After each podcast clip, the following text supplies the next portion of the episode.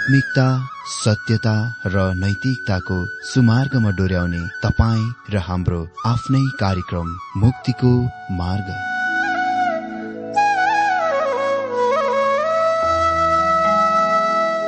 आदरणीय श्रोता यस मुक्तिको मार्ग कार्यक्रममा हार्दिक स्वागत छ। आशा छ यस आत्मिक कार्यक्रमद्वारा जीवनमा आत्मिक आशिष अलौकिक शान्ति र आनन्द प्राप्त गर्नुहुनेछ। र जीवनमा धन्य अनुभव गर्नुहुनेछ। आउनुहोस् श्रोता। मन र आत्माको तयारीको लागि यो मिठो अनि मधुर भजन गीत सुनौ।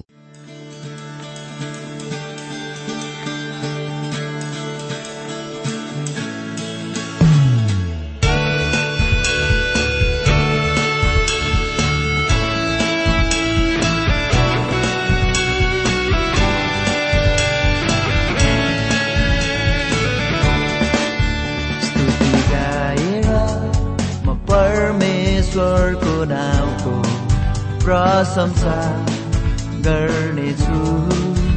धन्यवाद चढा म उहाँको महिमा सदा गर्नेछु। स्तुति गाएर म परमेश्वरको नाउँको प्रशंसा गर्नेछु। धन्यवाद चढा म उहाँको महिमा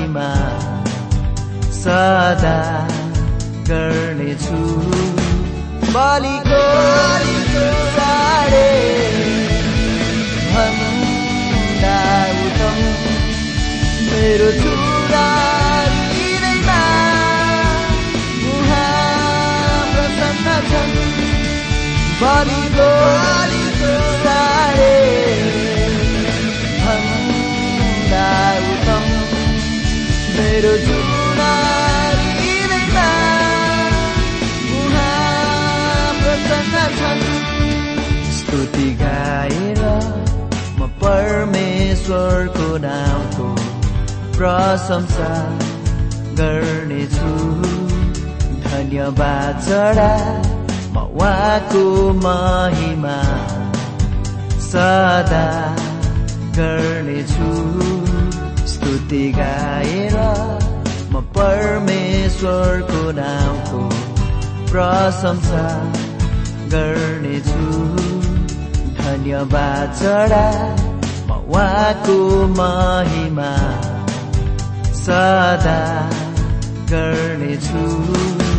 बलिको साडे भन्दा उत्तम मेरो चुरा उहाँ प्रसन्न छन्। साडे भन्दा उत्तम मेरो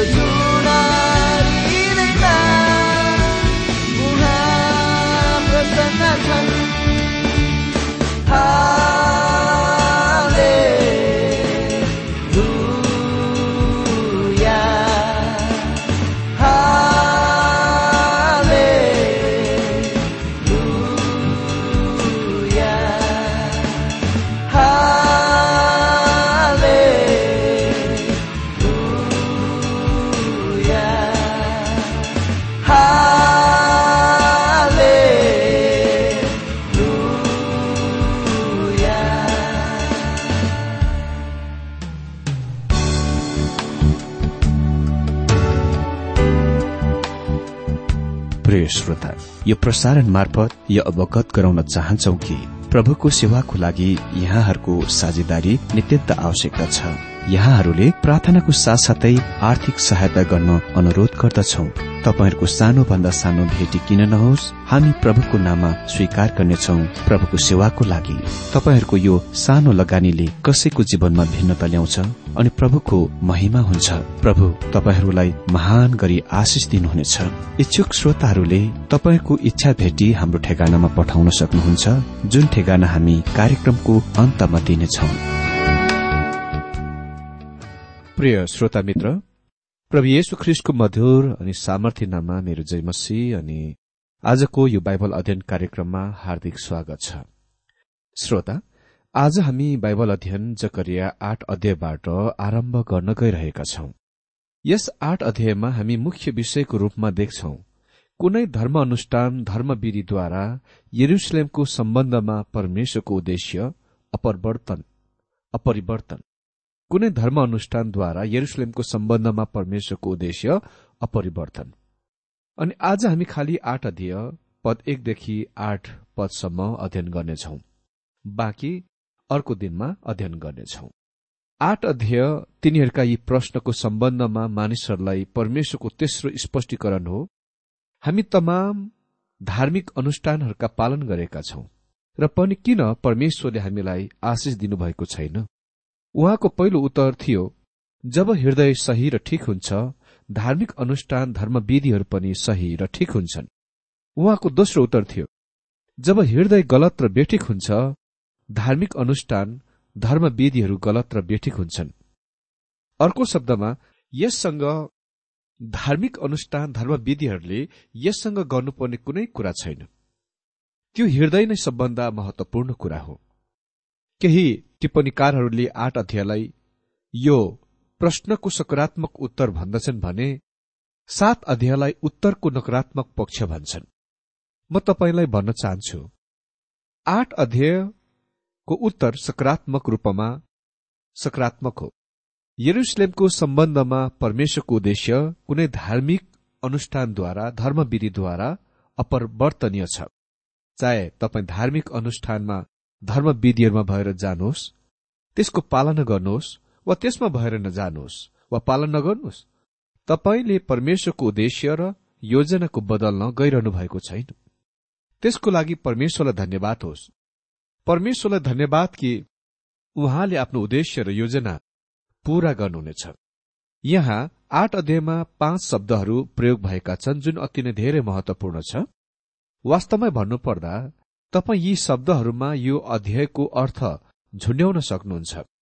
पहिलो चाहिँ यो अभिव्यक्त हो सर्वशक्तिमान परमप्रभु। डाक्टर अङ्गरले यो अभिव्यक्तको व्याख्या वा अर्थ खुलाई सेनाहरूका परमप्रभुको रूपमा दिन्छन्। अनि त्यो सम्भवत अधिक धेरै अक्षरस अनुवाद हो। सर्वशक्तिमान परमप्रभु अर्थात् सेनहरूका परमप्रभु यो अध्यायमा अठार पल्ट उल्लेख भएको छ। निश्चय नै उहाँ यो अध्यायमा अति नै महत्वपूर्ण हुनुहुन्छ सर्वशक्तिमान परमप्रभु। दोस्रो यरुसलेम छ पल्ट उल्लेख भएको छ अनि सियोन दुईपल्ट उल्लेख भएको छ। यरुसलेम एक भौगोलिक स्थान हो जुन इसरायलमा स्थित छ जुन आज मध्यपूर्वमा पर्दछ। त्यो कहिले पनि बदलेको छैन। त्यो अझै उही एउटै स्थान हो। जब परमेश्वरले भन्नुहुन्छ यरुसलेम उहाँको तात्पर्य हो यरुसलेम नै। उहाँको मतलब संसारका कुनै अर्को ठाउँ सहरहरू होइन। तेस्रो डाँडा शब्द तीनपल्ट उल्लेख भएको छ। अनि चौथो बचेका शब्द दुईपल्ट उल्लेख भएको छ। यो कुराको याद राख्नुहोस् कि सम्पूर्ण बाह्र कुलहरूबाटका बचेकाहरू त्यस मुलुकमा फर्किआएका थिए। तिनीहरू खालि दक्षिणी राज्यका यहुदाका दुई कुलहरूबाट मात्र फर्किआएका थिएनन्। भन्नु नै पर्दा त्यहाँ अति नै कम मानिसहरू मात्र फर्किआएका थिए करिब साठी हजार यहुदीहरू त्यस मुलुकमा फर्किआए। पाँचौ अन्तिम अभिव्यक्त हो सर्वशक्तिमान परमप्रभु यसो भन्नुहुन्छ। यो चाहिँ एकपल्ट उल्लेख भएको छ।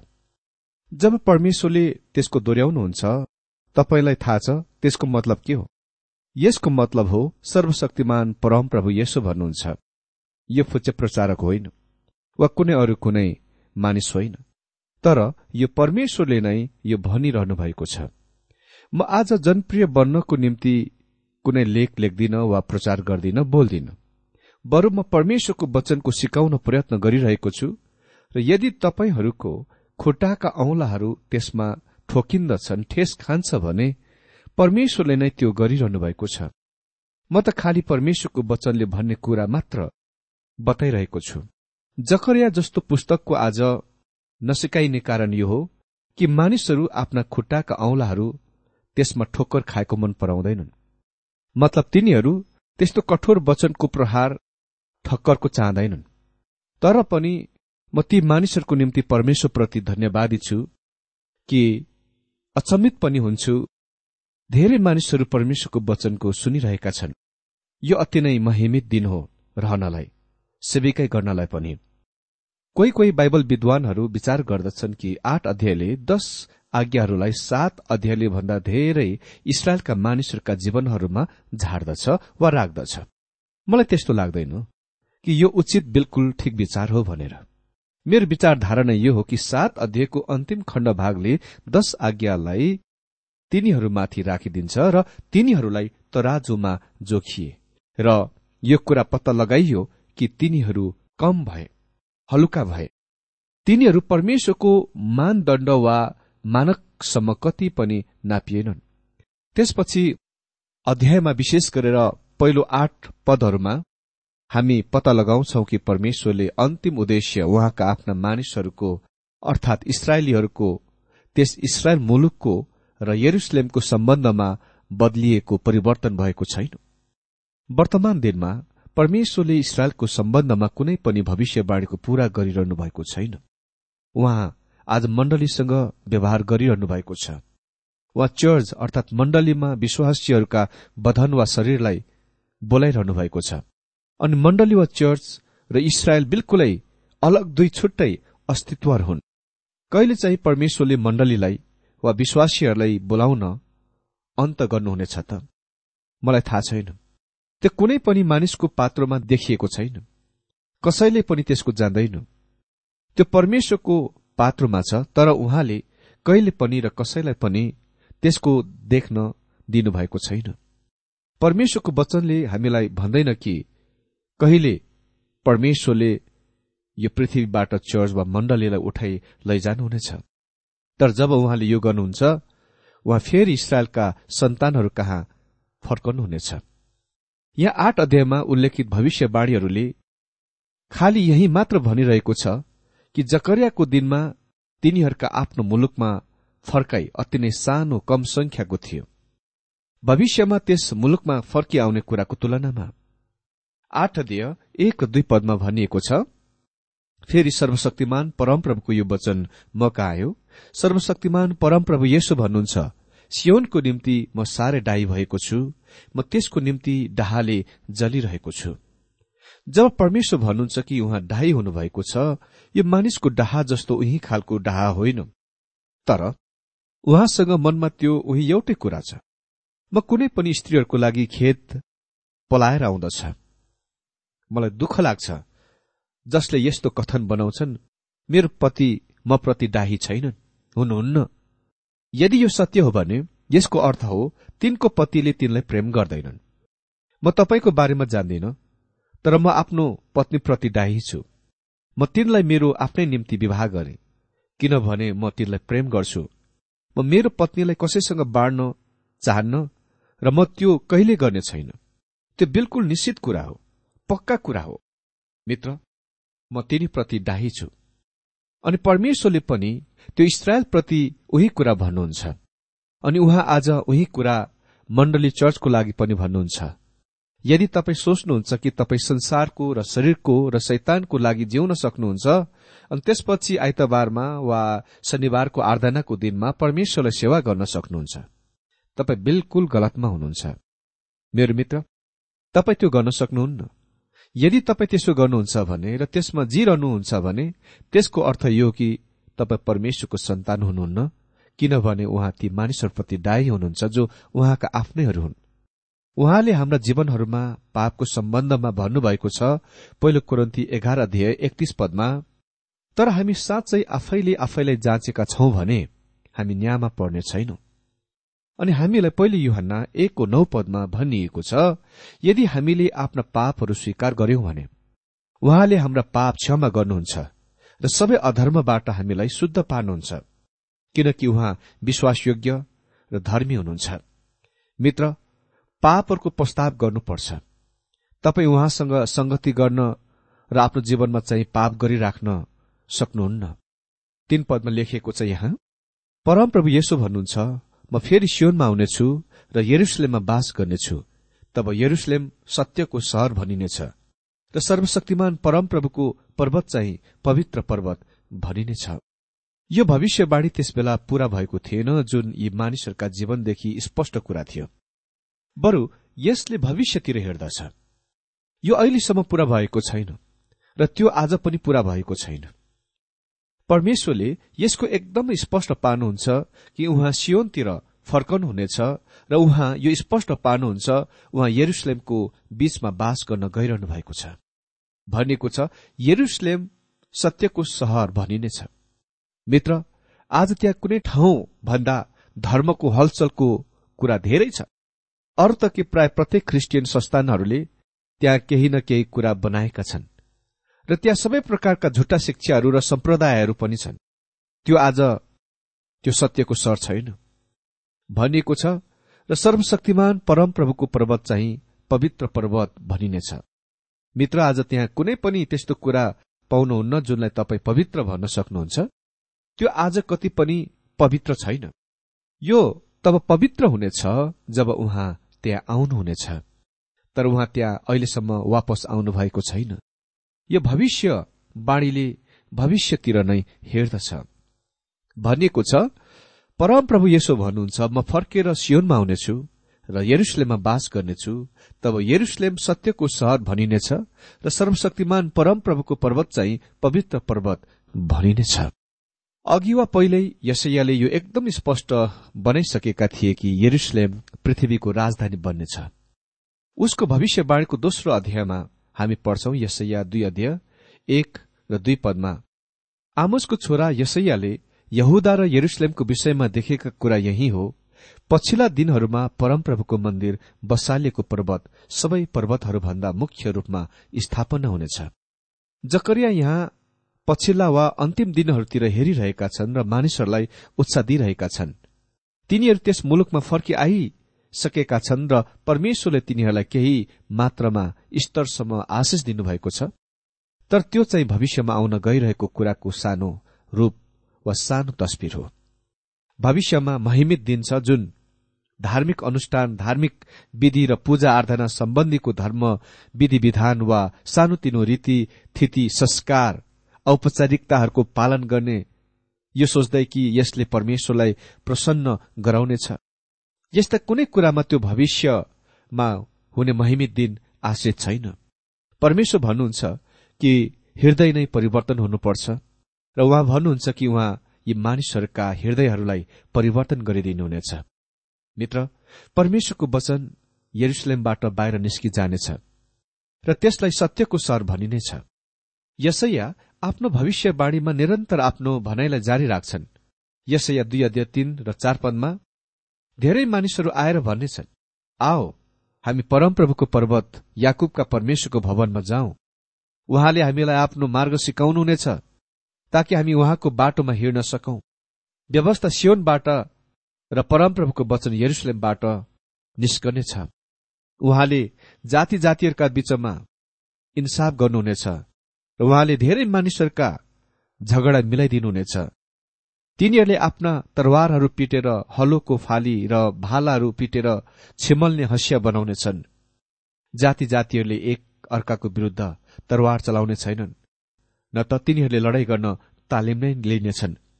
तर अहिले हामी त्यस दिनमा अहिलेसम्म आएका छैनौं तर त्यहाँ त्यो समय आउनेछ जब यरुसलेमलाई सत्यको सर भनिनेछ र सर्वशक्तिमान परमप्रभुको पर्वत वा राज्य चाहिँ पवित्र पर्वत भनिनेछ। अर्को शब्दमा जकरियाले हजार वर्षीय मसियाको राज्य युगको स्थापनाको बारेमा बोलिरहेका छन् जुन अझै भविष्यमा आउन बाँकी नै छ। चार पदमा लेखिएको छ परमप्रभु यसो भन्नुहुन्छ यरुसलेमका गल्ली गल्लीहरूमा फेरि पूरा उमेर पुगेका लोग्ने मानिस र स्वास्थ्य मानिसहरू आफ्नो उमेरको कारण हातमा लौरो टेकेर बस्नेछन् मित्र यरुसलेम त्यो स्थान हुनेछ जहाँ वृद्ध मानिसहरू बस्नेछन् कुनै वृद्ध आश्रमको आवश्यक पर्ने छैन।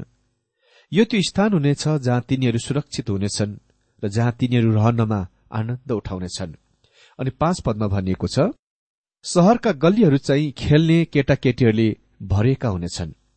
यसको मतलब त्यहाँ तिनीहरूसँग खचाखच गाडी मोटरहरू हुने छैन। हामी प्रदूषणबाट मुक्त हुनेछौ। त्यहाँ कुनै कारहरू हुने छैन र यरुसलेमका गल्लीहरू केटाकेटीहरूको लागि खेल्ने स्थान हुनेछ। यरुसलेम वृद्ध मानिस र साना केटाकेटीहरूको लागि उचित स्थान हुनेछ। म सोच्दछु कि हजुरबुवा र हजुर आमाको लागि साना नाता नातिनीहरूलाई सधैँ देख्न र तिनीहरूसँग रहन खेल्न असल कुरा हो। तर तिनीहरू ती साना बच्चाहरूलाई त्यति लामो समयसम्म चाहँदैनन्। आफूसँगै खेल्न राख्न। जब त्यो सानो फुच्चे फुच्चीहरू थाक्दछन् तिनीहरू आफ्ना हजुर आमाहरू हजुर बुबाहरू जस्तै बिना बित्थै चिडचिडा हुन्छन्। र त्यसले अलिकति हजुरबाको लागि हजुर आमाको लागि कठिनको कुरा बनाउँछ अनि उसले पनि तिनीहरूलाई केही समयपछि घर आमा बुबा कहाँ पठाउन मन पराउँछ। तर यो अद्भुत कुरा हो जब तिनीहरू एकैसाथ मिसिन्छन् घोलमेल हुन्छन्। ती साना बच्चाहरूको लागि त्यस्तो हजुरबा त्यस्तो हजुर आमा पाउने कुरा अति नै असल हो जसले तिनीहरूलाई धेरै माया गर्छन्। र तिनीहरूलाई यो महसुस गराउँदछन् कि तिनीहरू कति धेरै प्रेम गरिएका छन्। साना बच्चाहरूलाई सम्पूर्ण प्रेमको मायाको आवश्यक छ जुन तिनीहरूले यो संसारमा पाउन सक्छन्। यो यहाँ अति नै सुन्दर तस्विर हो हजार वर्षीय राज्य अवधिमा बच्चाहरूको र वृद्धहरूको तस्विर। त्यस भविष्यको दिनमा यरुसलेम पृथ्वीको राजधानी हुनेछ। यसु त्यहाँ शासन गरिरहेको हुनुहुनेछ। अनि मण्डली चर्च चाहिँ अन्तरिक्षमा नयाँ यरुसलेममा बसिरहेको हुनेछ। कसैले भन्ला मैले सोचे कि मण्डली ख्रिससँगै हुने थियो भनेर। हजुर शास्त्रले हामीलाई निश्चय दिलाउँछ कि चर्च मण्डली उहाँसँगै नै हुनेछ। त्यसकारण म सोच्दछु उहाँ प्रत्येक दिन तलमाथि आवत जावत गरिरहनुहुनेछ। हजार वर्ष राज्य युगमा आजको वर्तमान दिनमा जस्तै खुला शहरका गल्लीहरू मोटर गाड़ीहरूले खचाखच भरेको जस्तो हुने छैन। मलाई लाग्दैन कि उहाँलाई पृथ्वीको हजार वर्षीय राज्यमा पृथ्वीको राज्य यरुसलेमको सहर र स्वर्गीय नयाँ यरुसलेम बीच आवत जावत ओहोर दोहोर गर्न एक दुई सेकेण्ड भन्दा धेरै लाग्नेछ। छ पदमा लेखिएको छ सर्वशक्तिमान परमप्रभु यसो भन्नुहुन्छ। त्यसबेला यी मानिसहरू मध्येबाट बचेकाहरूलाई त्यो कुरा अचम्मको लाग्ला तर के त्यो मेरो नजरमा पनि अचम्मको होला त? सर्वशक्तिमान परमप्रभु भन्नुहुन्छ। जब यी प्रतिनिधिहरू बेतेलबाट तल यरुसलेममा ओर्लेर झरे तिनीहरू अति नै धेरै गरी प्रभावित गरिए। मन्दिर पुननिर्माण गरिएको थियो र धेरै मानिसहरूले आफ्ना घरहरूको पनि निर्माण गरेका थिए र यरुसलेममा समृद्धता सम्पन्नताले स्थान लिइरहेको थियो। तिनीहरूले भने अरे साँच्ची नै यो यस्तो देखिन्दछ कि परमेश्वर यहाँ काम गरिरहनु भएको छ आशिष दिनुहुँदै। अनि परमेश्वर भन्नुहुन्छ म जुन कुरा भविष्यमा देख्छु सो कुरा तिमीहरू देख्दैनौ। तिमीहरू सोच्दछौ कि यो कुनै महान र अद्भुत कुरा हो तर यो भविष्यमा हुन गइरहेको कुराको तुलनामा त केही पनि होइन। मित्र यो कुराको ध्यान दिनुहोस् कि कतिपल्ट यो शब्दहरू सर्वशक्तिमान परमप्रभु वा सेनाहरूका परमप्रभु यो शब्द उल्लेख हुन्छ। अनि सात पदमा लेखिएको छ सर्वशक्तिमान परमप्रभु यसो भन्नुहुन्छ हेर म मेरो प्रजालाई पूर्वको देश र पश्चिमको देशदेखि बचाउनेछु। यो अति नै चाकलाग्दो कुरा हो। पूर्वका देश त्यो स्थान हो जुनबाट बचेकाहरू फर्केथे।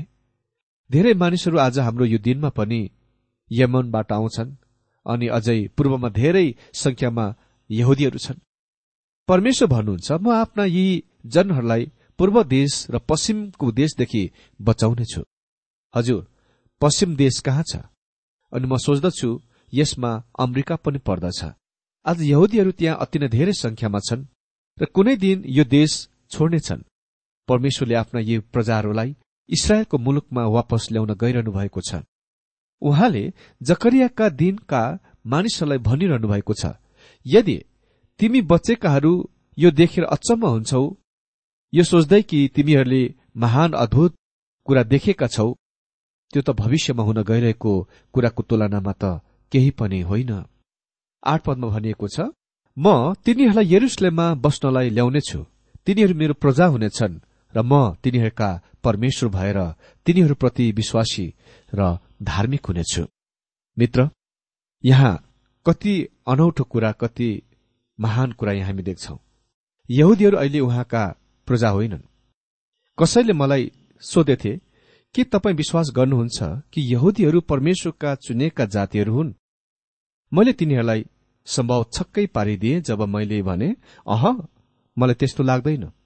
परमेश्वरको आज चुनेका जाति र चुनेका पिढ़ी चाहिँ चर्च वा मण्डली हो पत्रुसले लेख्छन् पहिलो पत्रुस दुई अध्ययको नौ पदमा तिमीहरू चुनिएका वंश राजकीय पुजारीगिरी पवित्र राष्ट्र र विशेष जाति हो। पत्रुस के को बारेमा कुरा गरिरहेका छन्? भन्दा चर्च वा मण्डली जो विश्वासीहरूको शरीर हो जुनमा दुवै यहुदी र अन्य जातिलाई एकसाथमा एकै ठाउँमा ल्याइएको छ र ख्रिस्टमा एउटै बनाइएको छ। मित्र संसारमा आज हुन सक्ने वास्तविक भाइ भाइ वा वसुदैवम कुटुम्बकम केवल ख्रिस्टको मण्डली चर्चमा मात्र छ। मित्र कुनै दिन मण्डली चर्च पृथ्वीबाट हटाइनेछ र त्यसपछि परमेश्वरले यी यहुदी मानिसहरूलाई लिनुहुनेछ र तिनीहरूलाई आफ्नो मुलुकमा फर्कै ल्याउनुहुनेछ हामीले पहिले नै जकरिएको दर्शनहरूमा देखिसकेका छौं कि परमेश्वरले यी मानिसहरूलाई शुद्ध गर्नुहुनेछ। तिनीहरूलाई शुद्धिकरणको आवश्यक छ जस्तो कि हामी मण्डली चर्चमा हुनेहरूलाई आवश्यक छ। मण्डली चर्च रगतद्वारा किनिएको हो रगतद्वारा धोइएको हो। किन? किनभने हामी पापीहरू हौ। हामी अहिले चाहिँ उद्धार पाएको पापीहरू हौ तर अझै हामी पापीहरू नै हौ। यी कुनै दिनहरूमा म कुनै वास्तविक प्रभुको जन सन्त हुन गइरहेको छु। अहिले म नामद्वारा सन्त वा पवित्र जन हुँ तर मेरो जीवनले सधैँ सन्त देखाउँदैन। तर कुनै दिन म ख्रिस्ट जस्तै हुन गइरहेको छु। त्यो महिमी दिन हुनेछ। इसरायलका मानिसहरू पनि परिवर्तन हुन गइरहेका छन्। परमेश्वर भन्नुहुन्छ तिनीहरू मेरा प्रजाहरू हुनेछन्। कहिले? त्यस दिनमा जब तिनीहरू यरुसलेममा वापस फर्किजान्छन्। तिनीहरू अहिले आज यरुसलेमको शरमा छैनन्। यो अरबी मूलका मानिसहरू भरिएको छ। अरबीहरू नै यस वर्तमान समयमा त्यहाँ रहिरहेका छन्। भनिएको छ र म सत्यतामा र धार्मिकतामा तिनीहरूका परमेश्वर हुनेछु। तिनीहरू त्यहाँ आज सत्यमा फर्किआएका छैनन्। तिनीहरू अझै प्रभु येशु ख्रिष्टलाई तिनीहरूका मसियाको रूपमा इन्कार गर्दछन्। तिनीहरू उहाँलाई ग्रहण गर्दैनन्। तर राज्य युगमा परमेश्वर तिनीहरूका सत्यतामा र धार्मिकतामा तिनीहरूका परमेश्वर हुनुहुनेछ। अनि धार्मिकताको मतलब हो हरेक कुरा ठिकठाक बनाइनेछ। परमेश्वरले आजको यो बाइबल अध्ययनद्वारा हरेकलाई धेरै धेरै आशिष दिनुभएको होस्।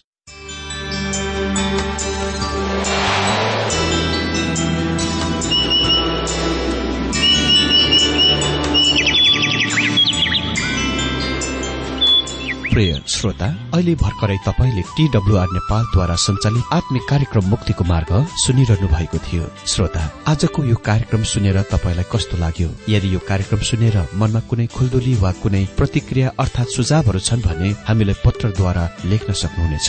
हामी हृदयदेखि नै स्वागत गर्नेछौ स्वीकार गर्नेछौ साथै बाइबल सम्बन्धित प्रचारहरू कार्यक्रम सारणीहरू हामी अनुरोधमा पठाउन सक्छौ। अनि तपाईँसँग कुनै प्रार्थनाको विषय छन् भने हामीले तपाईँको लागि प्रार्थना गरेको चाहनुहुन्छ। भने प्रभुमा आफ्नै परिवार सम्झेर हामीलाई पत्रमा लेख्न सक्नुहुनेछ। तपाईँको लागि हामी प्रभु येशुसँग प्रार्थना गर्नेछौ। अधिक जानकारी र पत्रचारको लागि हाम्रो ठेगाना यस प्रकार छ। कार्यक्रम मुक्तिको मार्ग जीपीओ नम्बर उनानब्बे पचहत्तर एपिसी पच्चिस एकसठी काठमाडौँ। ठेगाना एकपल्ट सुन्नुहोला। कार्यक्रम मुक्तिको मार्ग जीपीओ नम्बर उनानब्बे पचहत्तर एपिसी पच्चिस एकसठी काठमाडौँ। हाम्रो इमेल एड्रेस हो TWR Nepal at Yahoo dot com. साथै यस नम्बरमा एसएमएस गर्न सक्नुहुनेछ। अन्ठानब्बे चार सत्तरी पैतिस छ सय उनासी नौ आठ चार सात जिरो तीन पाँच छ सात नौ। हुन्छ श्रोता आजलाई हामी विदा चाहन्छौ। अर्को कार्यक्रममा हामी पुनः भेट्नेछौ तबसम्मलाई नमस्कार।